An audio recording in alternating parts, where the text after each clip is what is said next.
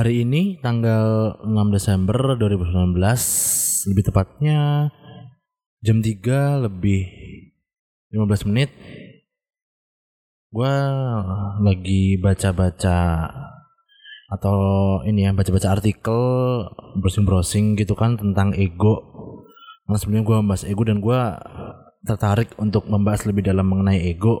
Jadi um, ego tuh yang kalau kata teman-teman gua yang suka-suka bilang ego lu gede, ego lu gini, kamu terlalu ini egois dan lain-lain.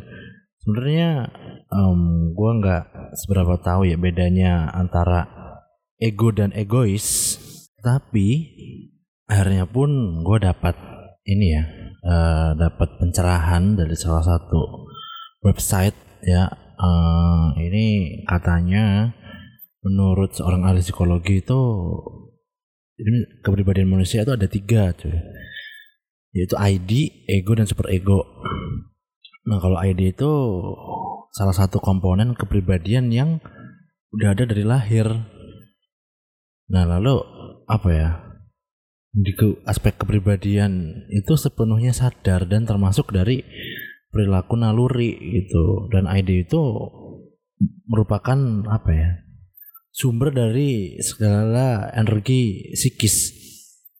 Komponen utama kepribadian juga misalnya nih kayak peningkatan rasa lapar kalau atau haus. Terus itu kan apa ya bikin lo harus cepet-cepet untuk makan untuk minum gitu untuk memenuhi apa ya rasa lapar dan rasa haus gitu loh. Dan ID ini juga sangat penting uh, dalam hidup gitu. Karena itu juga memastikan bahwa kebutuhan-kebutuhan kita terpenuhi gitu. Lalu yang kedua adalah ego. Nah ini. Ego itu komponen kepribadian yang tanggung jawabnya menangani realita. Nah menurut si ahli psikologi ini namanya kalau nggak salah Sigmund Freud Freud Freud itulah Sigmund Freud ego itu berkembang dari ID atau id bacanya yang gue nggak tahu dan memastikan bahwa dorongan dari ID atau id itu dapat dinyatakan dalam cara yang tepat dan dapat diterima di dunia nyata. Fungsi ego ini ya baik di pikiran yang sadar, perasa dan tidak sadar kom dan komponen terakhir untuk mengembangkan kepribadian adalah super ego. Dan super ego atau super ego ini aspek kepribadian yang menampung semua standar internal moral dan cita-cita yang kita peroleh dari kedua orang tua dan masyarakat nih. Jadi super ego itu memberikan pedoman untuk membuat penilaian. Nah, balik lagi ke ego atau ego, ego secara definisi itu artinya diri atau saya ego itu juga bisa dibilang kayak persepsi seseorang nih tentang harga dirinya sendiri yang nantinya bakal mempengaruhi keyakinan dirinya. Setiap orang pasti punya ego dong ya kan. Ego kalau menurut gua dan yang gua baca di artikel-artikel di internet itu nggak selalu negatif sih artinya. Karena ego seseorang itu bisa aja mengarahkan seseorang pada hal yang bersifat positif gitu loh. Tetapi nih, tetapi ketika orang itu sendiri nggak bisa mengendaliin, nggak bisa mengendaliin egonya dengan baik, dan seseorang itu nantinya bakal cenderung bersikap egois gitu loh. Nah ego, nah yang gue bicara ini ego dan egois itu apa sih? Nah egois itu orang yang suka mengutamakan diri sendiri atau menonjolkan diri terus selalu ngerasa keinginannya itu adalah hal yang penting gitu loh dan egoi egoisme tambahan lagi nih egoisme itu berasal dari kata ego dan isme. Itu keyakinan sih kalau dari kata isme yang gua tahu ya. Suatu keyakinan yang menyatakan bahwa segala perbuatan atau tindakan yang disebabkan oleh keinginan yang apa ya bersifat menguntungkan diri sendiri dan menganggap diri sendiri lebih penting daripada orang lain itulah yang disebut namanya egoisme itu kayak suatu paham atau keyakinan atau kepercayaan, bukan kepercayaan ya keyakinan sih. Nah ini gue juga dapat yang berkenaan dengan ego itu yaitu egoistik. Yaitu em, sesuatu yang berkenaan dengan orang yang mementingkan diri sendiri. Sama aja sih sebenarnya. Maksudnya kayak seseorang yang egoistik itu merasa kepentingan sendiri lebih besar dan dari kepentingan sosialnya gitu loh. Dan menurut gue ini sama aja intinya ego itu em, apa ya lebih merasa dirinya penting. Padahal em, ya penting tetapi dalam suatu situasi apa ya nggak bisa lu menilai diri lu sangat penting itu nggak bisa. Karena jujur aja banyak orang lain yang perannya lebih penting dalam situasi tersebut gitu loh dan gue juga mau apa ya menanyakan bahwa banyak orang yang bilang ke gua kalau ego gua itu tinggi. Sebenarnya gimana sih tahu ego kita tinggi itu? Susah sih Em, terkadang kita harus nunggu orang yang apa ya kalau gua dulu itu dibilang ego gua tinggi karena gua nggak mau kalah gitu loh. Gua nggak mau salah gitu. Gua selalu nyalah nyalain orang gitu. Tapi akhirnya gua bisa uh, mengatasi itu gitu sih intinya. Dan em, sebenarnya ada cara yang cukup apa ya cukup mudah buat tahu ego ego kita tuh tinggi atau enggak gitu. Jadi ada dua pertanyaan yang gua dapat dari temen gua nih. Nah salah satu temen gua yang notabene nya psikolog bukan psikolog dia mahasiswa psikologi gitu kan dia ngasih pertanyaan ke gua. Apakah lu ngerasa lebih unggul dari orang lain? Lalu apakah lu merasa minder sama orang lain? Kalau kalau kalian menjawab iya salah sa- di salah satu pertanyaan di atas nah itu tandanya ego kalian tinggi gitu atau egonya tuh lagi ambil alih pikiran lo gitu loh. Karena em, ego menurut gua juga ego kita itu bagian dari kita gitu loh. Jadi yang kayak gua bilang eh, ego nggak sepenuhnya negatif cuy gitu loh. Ego juga membantu kita untuk membentuk apa ya diri kita sendiri gitu loh atau citra diri ya citra diri. Nah em, diri sendiri ini atau citra diri ini biasanya ya ini bakal kebentuk kalau kita lagi punya ide misalnya kayak mengenai suatu aspek yang kita setujui nih. Misalnya aduh gua nggak eh, apa ya gua nggak pinter soal ini nih gitu. Tapi gua pinter di sini gitu. Atau mungkin eh gua nggak ada yang suka sama gua gitu. Terus kebalikannya gue lebih baik daripada lu gitu. Itu itu salah satu ego apa ya Em, contoh dari ego gitu loh. Gue pun pernah mengalami di sisi di mana em, gue apa ya ada masalah sama beberapa ada sekelompok orang ya.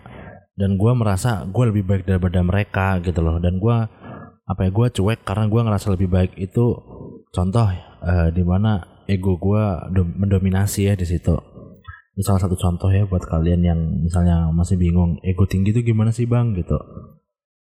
Nah ego itu juga bisa dibilang kayak suatu lapisan apa ya perlindungan diri lo gitu loh yang lo bangun selama ini gitu loh.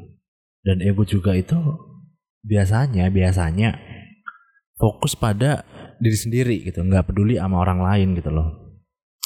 Ego juga yang main-main dalam otak lu gitu loh. Misalnya ketika terjadi suatu masalah orang lain yang disalahin gitu loh bukan eh, ngaca diri sendiri gitu loh. Kita selalu blame orang lain dan kita memposisikan kita yang paling benar. Kayak yang gua ceritain tadi gitu loh gua ada masalah sama orang tapi rasa cuek gua itu bukan murni cuek karena gua nggak mau disalahin gitu. Gua nggak ngerasa salah gitu loh. Tapi walaupun walaupun itu benar maksudnya hmm, di satu sisi emang gua nggak melakukan kesalahan tetapi ya ada baiknya kita evaluasi diri gitu loh. Oh kita salah apa ya? Gua salah apa gitu. Itu sih. Lalu em, ini apa ya? Ada gua baca artikel lagi yang menurut gua perlu gua sampein di teman-teman.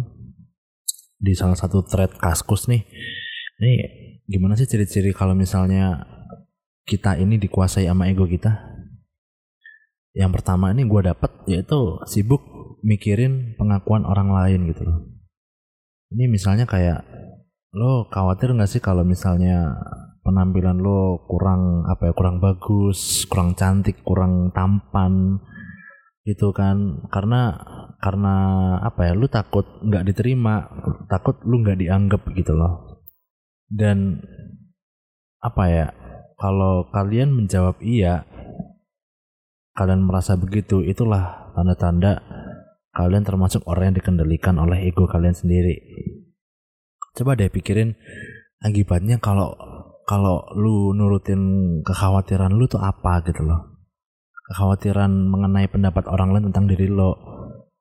Lo nya lo nya bakal di apa ya terngiang-ngiang di kepala lo tuh oleh dugaan-dugaan yang sepenuhnya yang nggak sepenuhnya bener gitu loh misalnya gue pakai apa ya kayak pakai baju kotak-kotak celana jeans sepatu gitu tapi nggak cocok sama gue lo uh, kita guanya mikir kayak ini cocok nggak ya gitu loh gue kalau gini bakal dinotis nggak ya gitu loh sama teman-teman gua gitu loh. Padahal itu nggak sepenuhnya bener cuy gitu loh.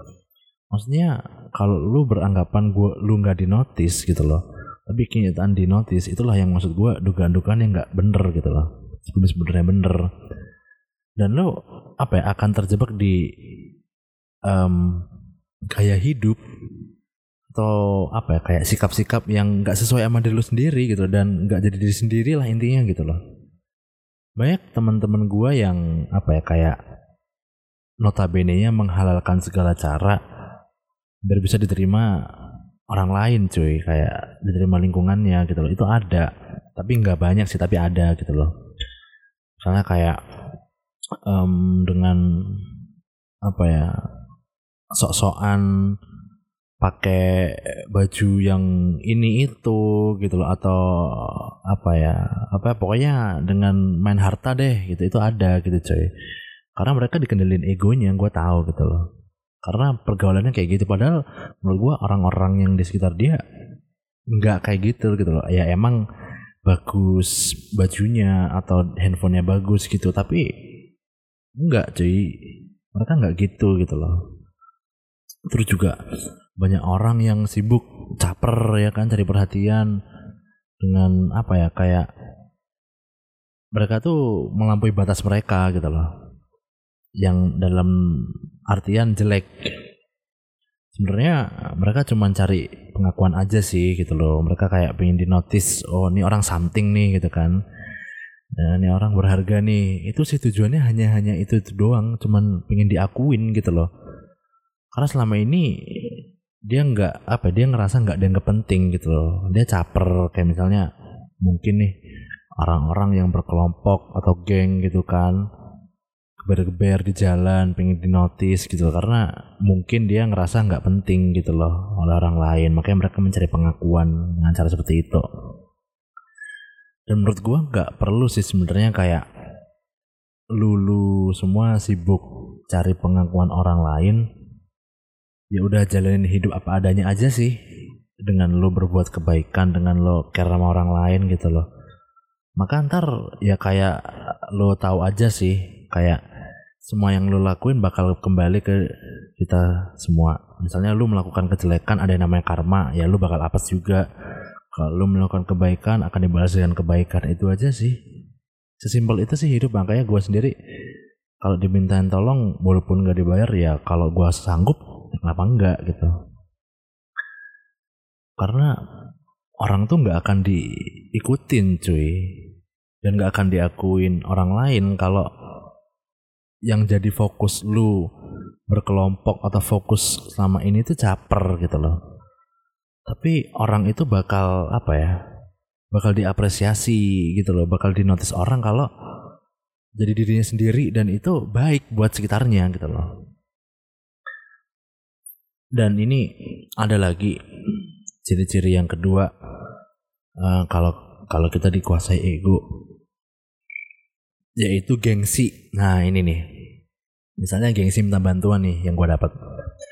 Kalau lo ngerasa gengsi dan apa ya enggan sungkan minta bantuan atau lo nggak mau minta tolong karena itu mengang apa ya itu membuat diri lo apa ya nilai diri lo tuh rendah itulah yang bikin ego lo apa ya telah menguasai otak lo gitu loh menguasai pikiran lo misalnya gini nih gue nggak bisa ngelakuin misalnya gue nggak bisa edit gitu kan edit editing misalnya gue nggak bisa. Tapi gue butuh gue minta tolong gitu loh. Tapi gue ngerasa di kalau gue minta tolong gue kayak orang nggak bisa apa-apa nih nggak usah deh gitu loh. Padahal nggak ada pilihan lain cuy gitu loh. Itu yang kalau lu ngerasa diri lo apa ya tinggi dan lu enggan minta bantuan itu yang menurut gue menjadi apa ya bukti kalau pikiran lo tuh dikuasai sama ego lu gitu loh. Ada nih kayak um, apa ya orang-orang yang kayak gitu ngerasa dirinya hebat gitu loh dalam suatu hal nggak mau minta tolong tapi ujung-ujungnya apa? Jelek gitu loh. Maksudnya bukan orangnya jelek ya bukan nggak fisiknya nggak. Maksudnya hasil kerjaannya jelek gitu karena dia nggak mau minta tolong gitu loh. Karena ngerasa dirinya bisa gitu loh. Ngerasa kalau dia minta tolong apa ya kayak orang Widih gue banyak tanya gue nggak mau dicap gue nggak bisa apa-apa gitu loh. Yang dicap bisa sendiri itu sih. Lalu selanjutnya ada nggak mau minta maaf. Nah ini nih. Ini nih. Ya namanya manusia kan tempatnya salah kan. Nggak mungkin manusia apa ya nggak 100% bener. Nobody's perfect man. Nggak ada yang sempurna dari mulai tukang jual in, jual bubur dari mulai apa ya satpam semuanya pengusaha sekalipun sampai orang terkaya pasti pernah salah gitu loh. Entah itu dahulu kala, pasti sekarang pun misalnya seorang pengusaha sukses yang dulunya susah salah terus pasti dia pernah salah langkah gitu ketika dia sukses gitu pasti ada jatuh bangunnya tapi ada beberapa orang yang susah banget kayak maaf gitu aja susah loh. Itu banyak tuh gue nemu nemuin orang kayak gitu. Udah salah tapi nggak mau minta maaf cuy. Ya termasuk termasuk gue pribadi pernah gitu loh. Gue pribadi pernah seperti itu. Karena apa ya? Maaf itu menurut gue emang butuh hati yang ikhlas. Yang itu luar biasa ikhlasnya gitu loh. Karena di persepsi orang-orang maaf itu bukan hanya sebuah kata-kata tapi apa ya maaf itu perlu ikhlas yang tadi gue bilang yang sangat besar banget.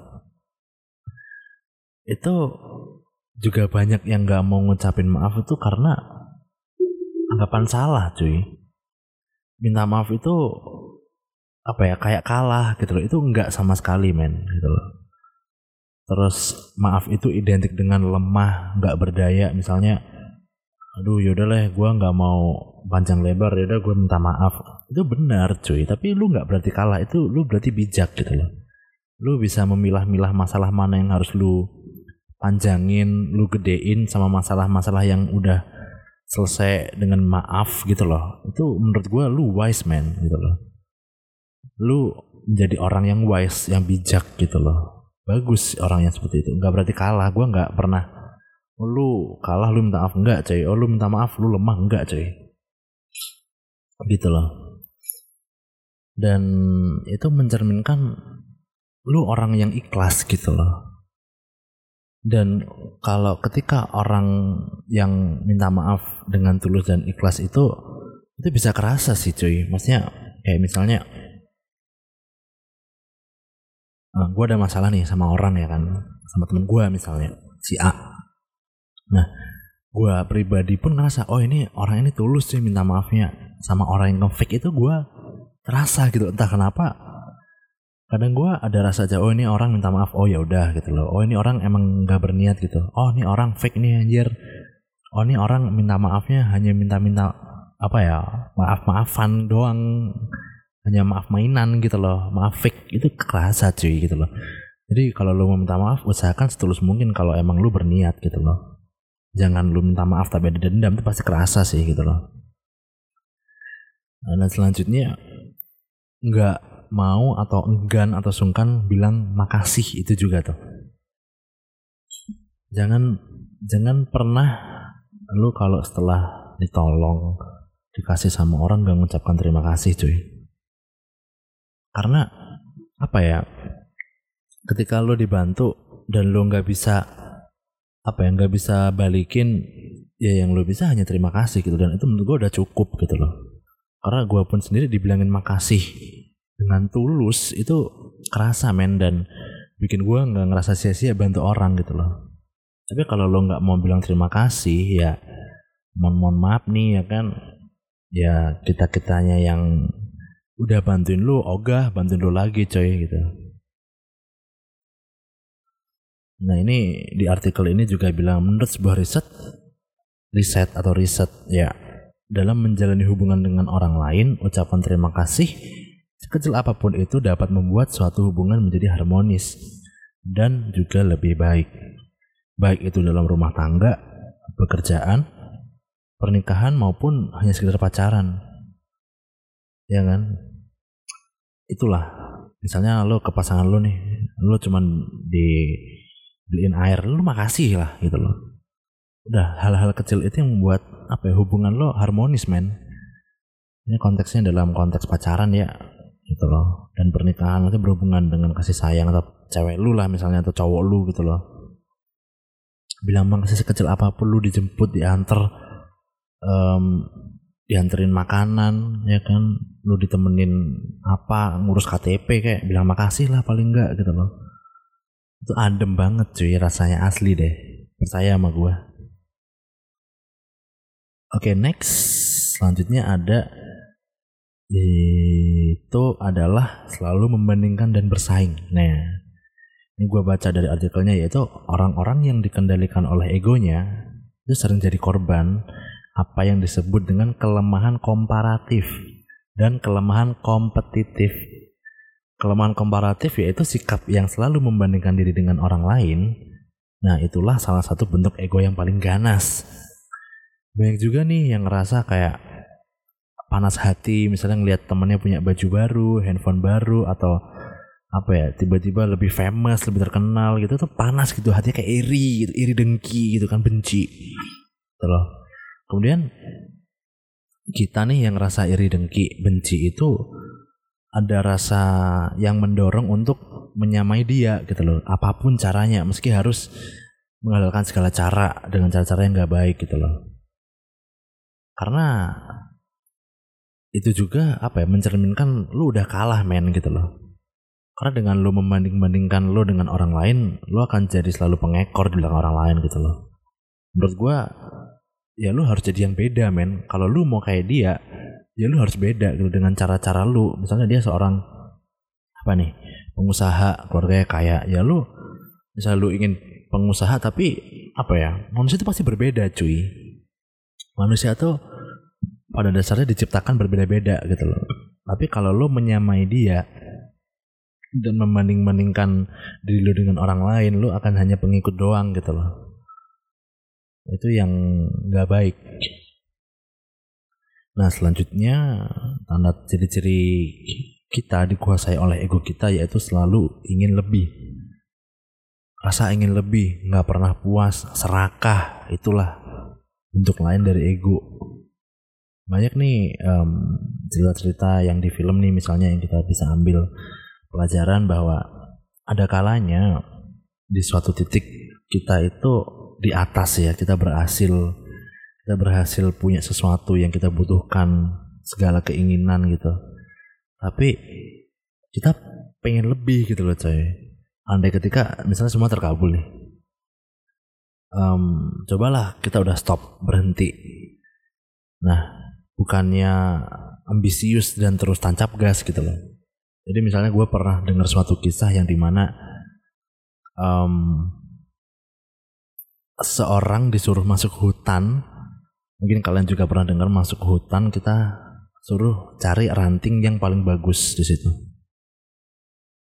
nah setelah itu um, seseorang ini yang disuruh masuk hutan ini masuk nih ke hutan. Akhirnya dia mencari ranting di situ, mencari ranting, mencari ranting, dia dapat nih, dapat ranting.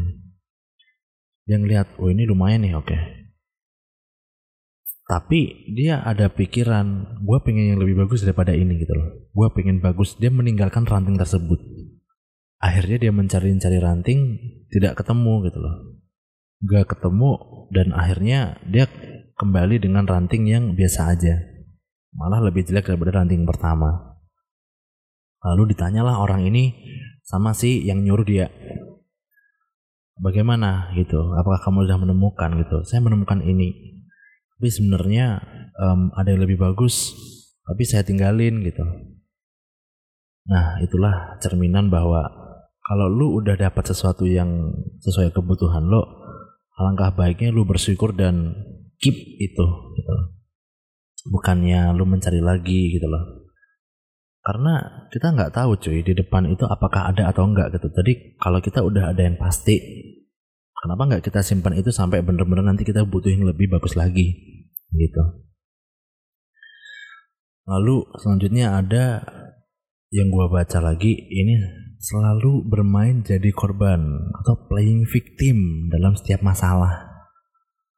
Per pernah nggak sih kalian kayak ngelihat gitu anak-anak kecil yang lagi main ya kan, terus kayak berantem gitu kan, misalnya kayak ini uh, harusnya kipernya loncat kalau main bola ya. Kipernya nggak loncat berarti masuk hitungannya gitu. Terus lagi adu ngoceh nih adu bacot ya kan. Terus panas nih ya kan. Terus ada anak-anak yang tiba-tiba bilang gini oh, udahlah gue nggak mau main gitu. Aku nggak mau main aku pulang aja gitu. Dia lebih milih apa ya? Keluar dari permainan itu yang sebenarnya masih bisa apa ya diikutin kalau lebih fleksibel aja gitu lebih saling ngerti aja gitu tapi itu kan anak-anak ya. Kalau kita gimana nih? Eh, sebenarnya kita pun yang udah dewasa yang remaja yang umuran 20 tahun ke atas 17 tahun ke atas itu ada juga loh yang masih bermain korban kayak bocil-bocil tadi gitu loh. Misalnya nih kayak yang gue nemuin juga nih yang di lingkungan gue itu ide-idenya nggak diterima cuy. Misalnya kayak ketika kita ngerasa nggak setuju nih ada ngomong ini kita jadinya kayak gini ya gitu. Jadi nggak setuju cuy gitu. Ada kalanya mereka yang nggak setuju itu cenderung keluar dari pekerjaan itu gitu keluar dari project itu misalnya. Yang apa ya sebenarnya ini bukan pelampiasan ego sih tapi itulah ego gitu loh. Lu menempatkan kebutuhan lu sendiri kepentingan lu untuk diakuin gitu loh daripada lu mementingkan project lu gitu loh, mementingkan tim lu gitu loh. Lu menghindar itu menurut gua dikuasai ego dan itu nggak baik. Sebenarnya kita bisa fleksibel aja sih. Oh oke, okay. sebenarnya itu bagus juga kenapa nggak dicoba gitu loh. Ketika dicoba gagal, ya berarti ide kita coba dipakai gitu sih menurut gua. Coba mencoba itu yang apa ya harus kita pikirkan gitu loh, kalau kontes dalam satu project gitu loh. Dan di sini ada juga yang kasus dalam kasus berhubungan ya pacaran nih misalnya. Kita selalu playing victim gitu loh.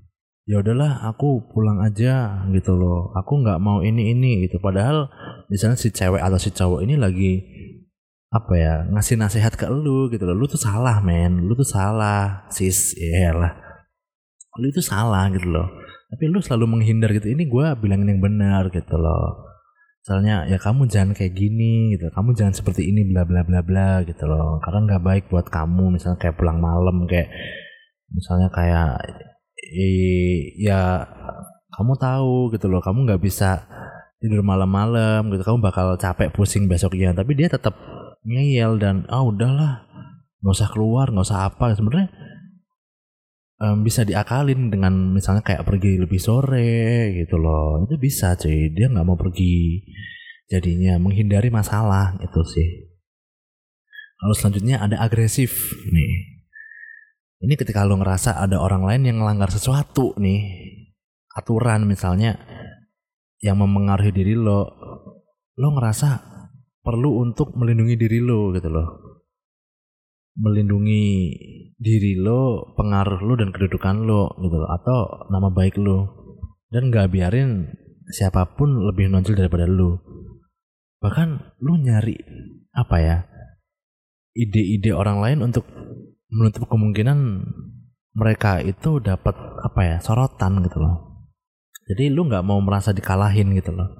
Kenapa nggak lu berpikiran untuk um, apa ya mengambil hal-hal positif dari dia gitu loh. Kenapa sih atau cerita kenapa sih orang ini melanggar sesuatu yang apa ya yang mempengaruhi diri gua gitu. Misalnya kayak um, mengambil um, kesempatan gua gitu tuh kenapa ya gitu. Mungkin mereka lebih butuh gitu kita harus lebih tahu coy. Gitu loh. Nah selanjutnya ada gampang tersinggung ini nih. Pernah gak sih lu kenal orang yang gampang banget kesinggung yang apa ya selalu ngerasa itu kayak bertubi-tubi menimpa ke dirinya gitu loh serangan-serangan itu tuh pada dia gitu loh nggak peduli lu ngomong apa, kalian ngomong apa atau sebaik apa lu jelasin, dia tetap nganggep itu serangan buat dia gitu loh. Dan demikian pula beberapa orang yang apa ya, memperlakukan setiap ketidaksepakatan itu sebagai indikasi bahwa lu mempertanyakan kompetensi mereka gitu loh.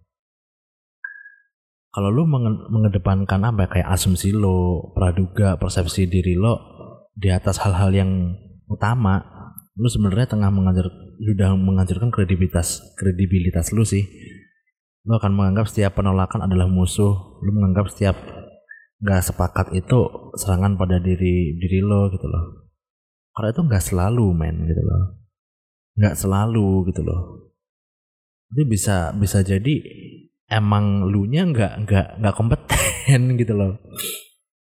Lu emang salah gitu loh. Tapi lu menganggap itu musuh lu enggak cuy. Karena sebenarnya tujuannya kan sama nih. Misalnya dalam organisasi ide lu ditolak. Lu mikir eh ini musuh gua nih dia nggak setuju sama gua. Enggak cuy. Tujuannya emang sama gitu loh. Jadi organisasi yang baik gitu loh yang bermanfaat. Lalu tujuannya sama tapi kenapa harus bermusuhan itu loh yang jadi pertanyaan nah selanjutnya ada nggak pernah mau nerima kenyataan nah ini orang yang dikuasai sama ego, egonya sendiri, dia nggak akan pernah menerima kenyataan yang nggak sesuai dengan harapannya. Dia juga nggak akan pernah sadar nih kalau di dalam hidup dia tuh selalu ada langit dan langit. Akan selalu ada orang yang melebihi dirinya dalam hal apa aja. Nah, kalau kita ngerasa lebih dari orang lain dalam hal kekayaan misalnya, pasti ada yang lebih kaya lah cuy gitu loh. Kalau kita ngerasa lebih ganteng atau cantik, pasti ada yang lebih cantik gitu loh. Itu perspektif orang masing-masing. Misalnya gue paling ganteng gitu, tapi ada satu orang yang tuh nggak ada yang lebih ganteng daripada lu gitu loh. Itu ada karena mata orang tuh beda-beda gitu. Penglihatan orang, gue bilang nih cewek cantik, tapi temen gue bilang enggak ini lebih cantik gitu. Padahal menurut gue dia lebih cantik, paling cantik gitu. Enggak cuy, pasti semua ada perbedaan. Dan juga bener nih, pepatah yang sering orang tua kita bilang misalnya dalam soal harta, cobalah tengok ke bawah. Dalam soal amal kebaikan, cobalah tengok ke atas. Pernah gak sih lo mengutuk keadaan yang membuat lo nggak mampu beli apa ya yang lo inginkan lo nggak apa ya nggak mampu kayak teman-teman lo pernah nggak sih lo ngerasa kayak benar-benar apa ya terjun ke dalam jurang malu? Hanya gara-gara lo nggak apa ya nggak modis di antara teman-teman lo kalau lo pernah itu artinya di dalam diri lo masih ada sikap nggak nerima kenyataan dan itu bisa membakar seluruh kebaikan di diri lo gitu. Lu itu bisa menghancurkan lo gitu. Dan juga mungkin ini yang terakhir ya. Contohnya ciri-cirinya selalu merasa benar sendiri. Nah itu juga salah satu wujud ego yang merusak dan bisa ngebuat lo dijauhi sama orang. Orang tuh selalu ngerasa bener cuy dan selalu ingin dibenarkan oleh teman-temannya ya kan? Dan sesungguhnya mereka-mereka tuh lagi menuju masa-masa kelamnya gitu loh orang-orang yang ngerasa bener sendiri dan sikapnya keterlaluan karena perilaku mereka yang keras kepala dan agresif sih kalau menurut gua. Ini bisa jadi emang suatu waktu dia akan meraih sukses sih tetapi berkat sikap buruknya itu dia bisa-bisa ter apa ya istilahnya jatuh dalam lubang yang sangat dalam gitu loh akibat sikap buruknya itu. Oh ya ini gue juga sempat um, dengerin podcastnya ngobamnya yang terbaru Bang Gofar ya. Gofar Hilman tuh buat yang nggak tahu sama si Doci.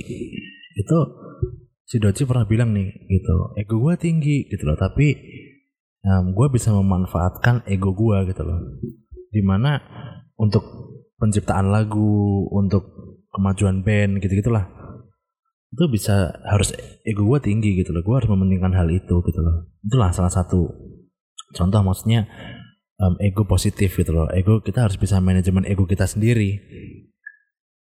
Karena emang ego kita itu kalau konteksnya dalam suatu personal dengan orang lain itu emang jelek. Tapi kalau ego kita udah bermain dalam uh, memanfaatkan ego itu menjadi sesuatu yang berguna menjadi sesuatu yang apa ya berdampak positif untuk kita dan orang lain itu menurut gua pantas digedein sih men ego itu.